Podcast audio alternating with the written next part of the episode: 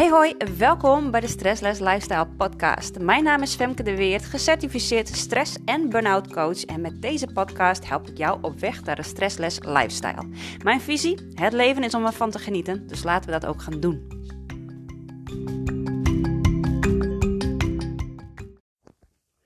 Hey en welkom bij een nieuwe aflevering. Leuk dat je er weer bent. En als je nieuw instapt, van harte welkom. Uh, het is weer een, prachtige aflevering wat deze gaat worden. Ik heb een, um, namelijk een, een hele mooie zonnebloem bij mij achter in de tuin staan. Uh, voor de mensen die het niet weten, ik, uh, ik hou wel van, van tuinieren, van moestuinieren. En ja, ik heb van alles in de tuin staan. Ik vind het heerlijk. En niet eens zozeer voor mezelf, maar ik vind het ook heerlijk om gewoon de diertjes in onze omgeving nou, het extra lekker nijtjes te geven. Zoals bijvoorbeeld zonnebloempitjes. Maar ik heb ook druivenstruiken en daar zijn de... Uh, de spreeuwen, ik zou zeggen protters, uh, op zijn Fries is het protters, maar in het Nederlands zijn het spreeuwen. Die zijn er dol op, maar ik heb ook, uh, nou ja, uitges nou ja, uitge... Ge, de sla staat inmiddels in bloei, laat ik het zo maar even zeggen. die zijn helemaal opgegeten door alle slakken hier. Dus die hebben heerlijk genoten van mijn, uh, van mijn sla. En zo vind ik het gewoon heerlijk om van alles erin te planten. En ja, ik heb ook heel veel aardbeien staan. Vind ik ook heerlijk om zelf op te snoepen. Framboosjes vind ik ook heerlijk om op te snoepen. Ik heb allemaal kruiden staan. Ook heerlijk. En uh, ja, daar eet ik zelf ook van. Maar ja, soms dan zijn de diertjes mij even voor. En dan vind ik dat ook helemaal prima. En ja, ik heb dus een hele mooie zonnebloem achter in de tuin staan. En die heeft mij wel heel veel inspiratie gegeven afgelopen zomer. Want het is een, uh, ja, een prachtig verhaal. Hij is ook niet zo groot geworden dan de andere zonnebloem. Die, uh, die ook in de tuin staat. Maar het is wel een heel mooi voorbeeld. En uh, ja, eigenlijk ook wel een inspiratie voor deze zomer. Dus ik ga het verhaal ook vertellen van de zonnebloem bij mij achter in de tuin. Het is de zonnebloem die mijn jongste zoon, Jesse, van, uh, van oma heeft gekregen. Oma is ook een echte een tuinierder. En uh, ja, die heeft uh, beide jongens heeft een zonnebloem gegeven. En Jesse's zonnebloem die knakte vlak voordat ik hem in de tuin wilde zetten. En ja, dat is natuurlijk wel zonde. Dus ik had eigenlijk ook niet zo super veel verwacht van deze zonnebloem. Ik had ook niet verwacht dat hij in bloei zou komen te staan. En toch is dat gelukt. Ik heb namelijk nou ja, besloten om hem wel te planten. Uh, ik heb ge, besloten om er een stok tegenaan te zetten, vast te binden aan de stok en maar te gaan zien wat er eigenlijk uitkwam. En dat kwam, nou ja, dat werd wel een heel mooi resultaat. Want op een gegeven moment, ja, de, de zonnebloem die groeide niet. En dat was wel een beetje jammer. Dus ik had ook echt wel een beetje dat ik denk, nou, dit, dit wordt hem niet dit jaar. Maar hij gaf al de energie die ze had, gaf hij aan de wond, aan de knak. En je ziet nu dus ook echt dat er een, een, een bobbeltje zit eh, op het stukje waar die is geknakt, waardoor het dus nu extra stevig is. Een soort littekentje zie je eh, op het stuk waar, waar de zonnebloem geknakt is. En daarna is het dus echt weer begonnen te groeien. En je ziet ook wel dat hij echt wel 20 tot 30 centimeter kleiner is dan de andere zonnebloem. Maar goed, dat geeft niks. Hij bloeit. En dat is toch fantastisch om te zien dat die zonnebloem nu gewoon bloeit. En dat was gewoon zo'n mooie inspiratie. Dat ik denk, ja, weet je, je kan dus gewoon een, een, een zonnebloem kan dus gewoon geknakt zijn, maar heeft dus ook het zelfhelend vermogen. Die kan zichzelf dus herstellen van binnenuit en daarna verder groeien. En dat is dus ook precies hoe het bij ons mensen kan gaan. Um, ja, we hebben natuurlijk allemaal onze eigen ervaringen in het leven uh, opgedaan. We hebben allemaal een jeugd gehad en de ene zijn jeugd is leuker dan de ander, maar we hebben allemaal ergens een, uh, een, een litteken opgedaan. En niet één, maar wel meerdere littekens opgedaan. En dat is ook iets wat bij het leven hoort. En die kleine littekentjes, als je dat allemaal bij elkaar optelt, dan wordt dat op een gegeven moment um, toch wel een groter litteken. Uh, en ik noem dat zelf, noem ik dat trauma. Dus trauma betekent voor mij niet zozeer dat je een heel groot uh, een life-changing event hebt meegemaakt. In die zin van dat, je, dat er iemand van dichtbij is gestorven. Ook dat is trauma trouwens hoor. Maar het hoeft niet zo groot te zijn. Of dat je uh, seksueel misbruik hebt meegemaakt. Of uh, mishandeling. Of, of andere grote dingen die uh, duidelijk trauma weergeven. En, en duidelijk ook trauma opleveren. En dat is in mijn opinie, is dat, uh, nou, niet misplaatst. Wat voor woord ga ik er even aan geven? Voor mij is dat uh, nou, de halve waarheid. Laten we het maar op een halve waarheid houden. Hè? De, die grote events die hebben natuurlijk een hele grote impact op je leven. Het feit dat mijn moeder en mijn broertje zijn overleden is ook traumatisch voor mij geweest. En is het in bepaalde zin nog, nog steeds. Maar er is nog zoveel meer trauma. En dat zijn al die kleine krasjes bij elkaar. Dus iedere keer als wij als kind zijnde hebben ervaren dat we worden afgewezen, dat we niet werden gehoord, dat we niet werden gezien, dat we niet werden begrepen, dat we onszelf terugtrokken. En dat we heel explosief boos werden omdat we niet gehoord en gezien werden. Dat zijn allemaal hele kleine littekentjes. En die kleine littekentjes die vormen zich um, wel tot een bepaald gevoel van dat wij niet goed genoeg zijn om naar geluisterd te worden. Dat we niet goed genoeg zijn om onszelf te zijn. Dat we uh, ons hebben leren aanpassen in de tijd. Om wel gehoord en gezien te worden. Om bepaald gedrag te vertonen wat beloond werd. Terwijl ander gedrag wat, uh, wat ons authentiek maakt, juist vervaagt. Omdat dat niet beloond werd of juist bestraft werd. En zo werden bepaalde emoties uh, worden bijvoorbeeld ook snel uh, gestraft. Boosheid bijvoorbeeld. Of ja, je, wordt, je mag niet boos worden. Of je mag geen dingen stuk maken. Of je uh, moet je niet zo aanstellen. Hè? Dat zijn allemaal gedragingen die we het liefst niet zien. Maar doordat het, dat het niet mag zijn en doordat het bestraft wordt of genegeerd wordt, uh, wordt dus ander gedrag beloond. Dus we leren ons op een gegeven moment ook aanpassen aan wat wel hoort en wat niet hoort. Maar die stukken, die kleine stukjes van kunnen aanstellen en uh, verdrietig mogen zijn of uh, boos kunnen zijn. Dat zijn ook uitingen van ons die erbij horen en die worden afgekeurd. En daarin voelt een kind zich in essentie als kind afgekeurd ik mag niet zijn wie ik ben op dit moment. Dat is wat er eigenlijk gezegd wordt. Dat is wat een kind interpreteert. En al die kleine krasjes bij elkaar maakt dus dat we ook op een gegeven moment uh, nou ja, ook dingen van onszelf niet meer willen zien en mogen zien. We mogen niet meer boos zijn van onszelf. We mogen niet meer verdrietig zijn van onszelf. We mogen ons niet meer aanstellen, want dat is wat altijd afgewezen is. Uh, dus we zijn ook altijd op zoek naar dat wat ons uh, blij maakt, wat dat wat ons gelukkig maakt, naar dat wat maakt dat wij gezien en gehoord en, en, en gewaardeerd voelen. Hè? Dus de, de, de positieve dingen, daar zijn we altijd naar op zoek. Um, en we zijn ook altijd op zoek naar beter zijn dan een ander. Om zo onze eigen zelfwaardering te kunnen ervaren ten koste van iemand anders. En dat is, dat is, dat is wel een hele pijnlijke aangelegenheid. Dat is ook een groot trauma-respons wat wij als mens ervaren. En heel veel van die dingen, en dit is echt wat ik allemaal haal uit een groeiende zonnebloem, hoe mooi is dat? Uh, is dat, dat dat trauma, ja, dat, dat is ook wie, uh, ja, wat ons gemaakt heeft als mens. En wat wij heel lang kunnen doen, is dat wij blijven weglopen van het feit dat dit ons gebeurd is in ons kinderjaren. Of dat we dit niet gaan behandelen, of dat we dit niet gaan erkennen als trauma.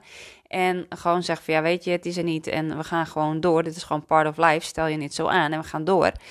Uiteindelijk ga je daar fysieke klachten van krijgen. Uiteindelijk is een van de resultaten die daaruit voortvloeit, is burn-out.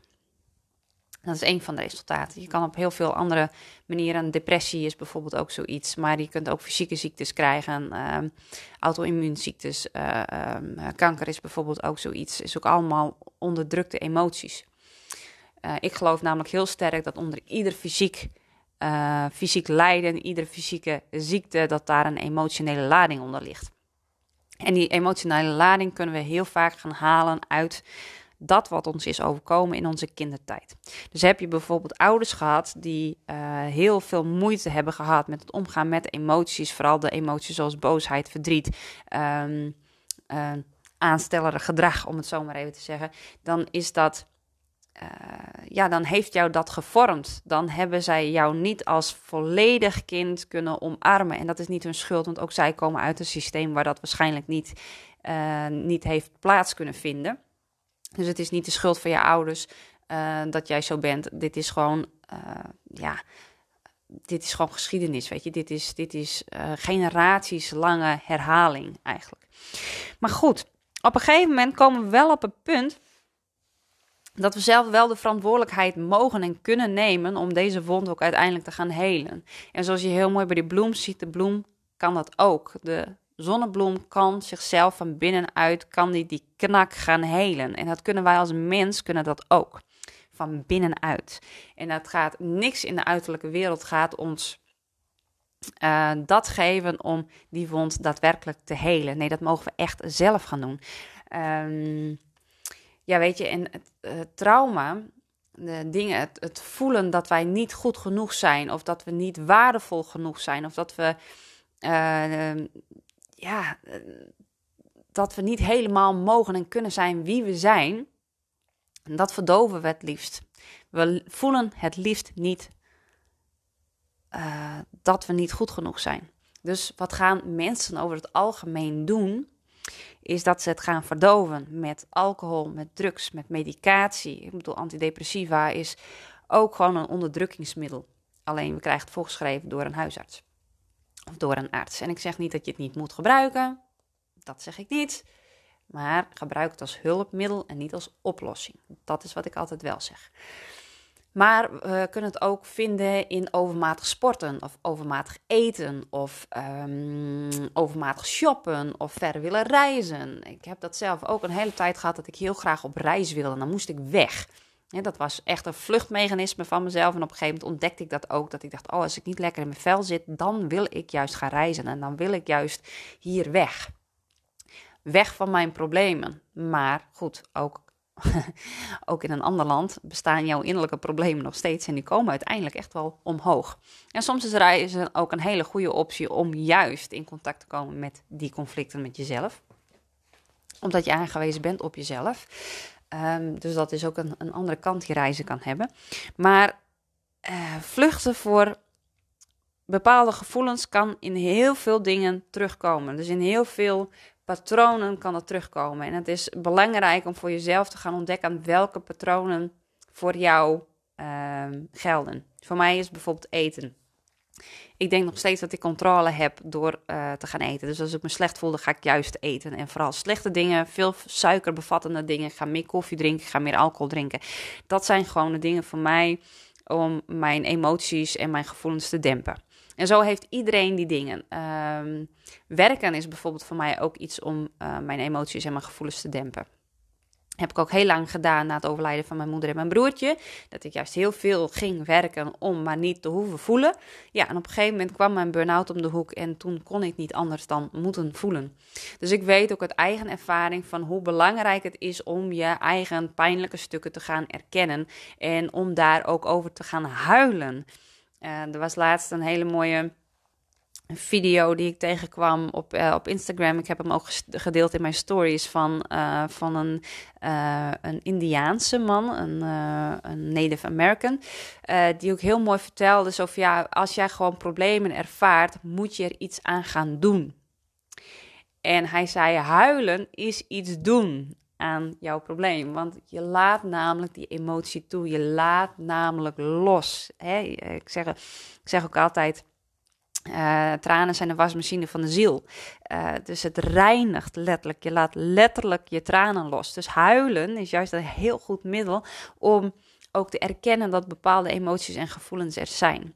En dat is al één stap. En dat je daarna gaat erkennen dat die gevoelens, dat het trauma er zit, is alweer een stap. En dat je uiteindelijk ook gaat ervaren van, oh ja, ik mag hier hulp bij gaan zoeken, is weer een stap. Dus je maakt onbewust al heel veel stapjes, ook al voelt het alsof je nog geen stappen hebt gemaakt. Je maakt ondertussen al heel veel stappen.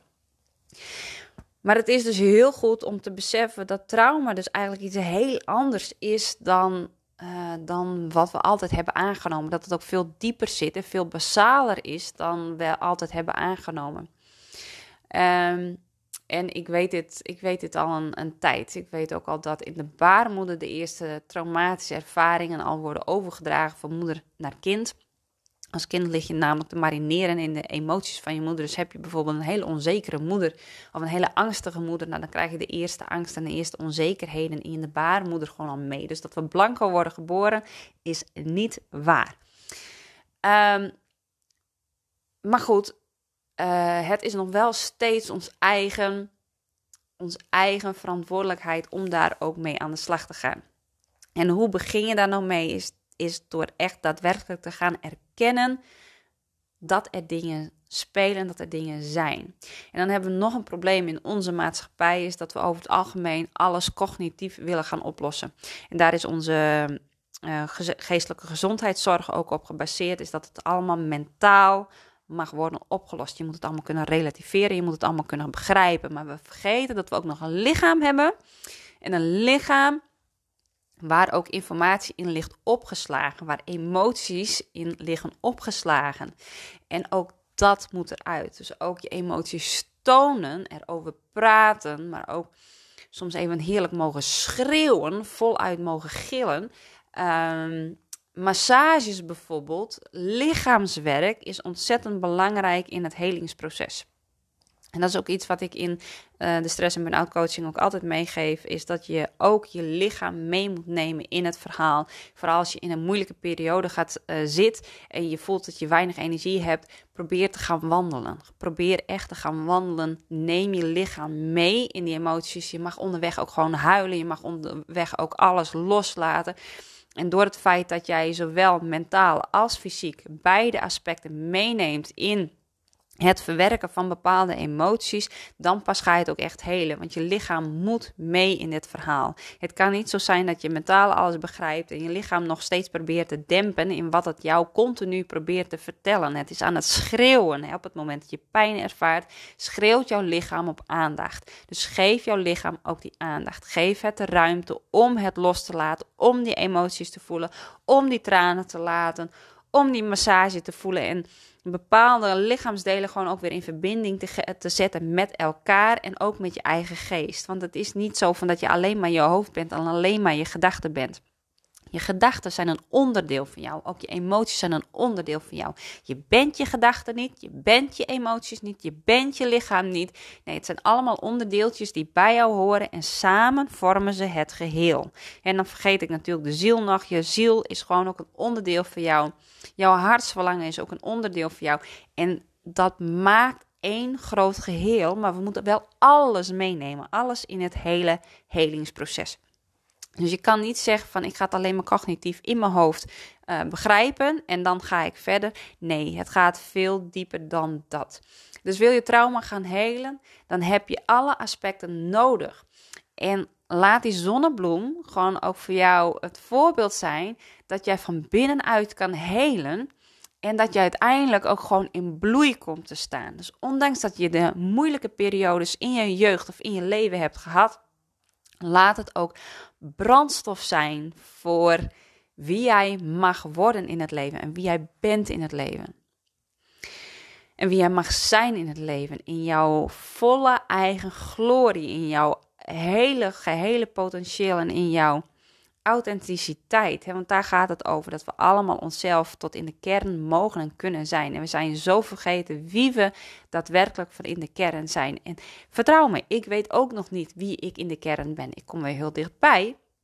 Maar daadwerkelijk wie ik echt tot in de volle glorie, tot in de bloei mag zijn in dit leven. Ja, ook daar heb ik nog laagjes af te pellen. Maar ik ga die laagjes aan. Ik ga het doen. Ik ga ze aan. Ik ga ze bekijken en ik ga ze omste beurt afpellen.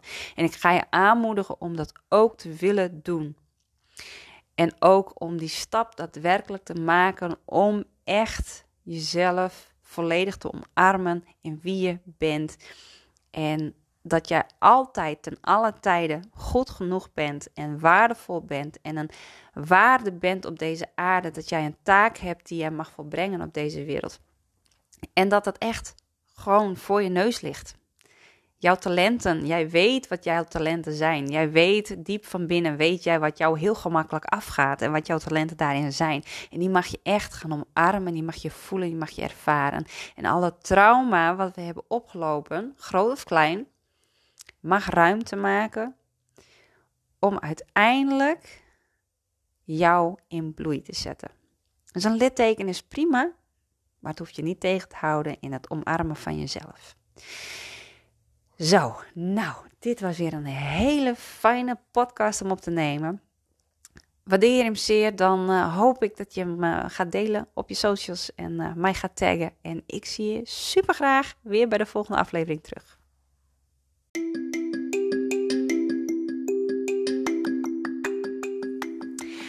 Top dat je de tijd hebt genomen om te luisteren. Vind je deze podcast waardevol? Deel hem dan op je socials en tag mij. Ik vind het natuurlijk super leuk om te weten wie je luisteren en jij helpt anderen ook om te kunnen genieten van een stressless lifestyle. See you soon!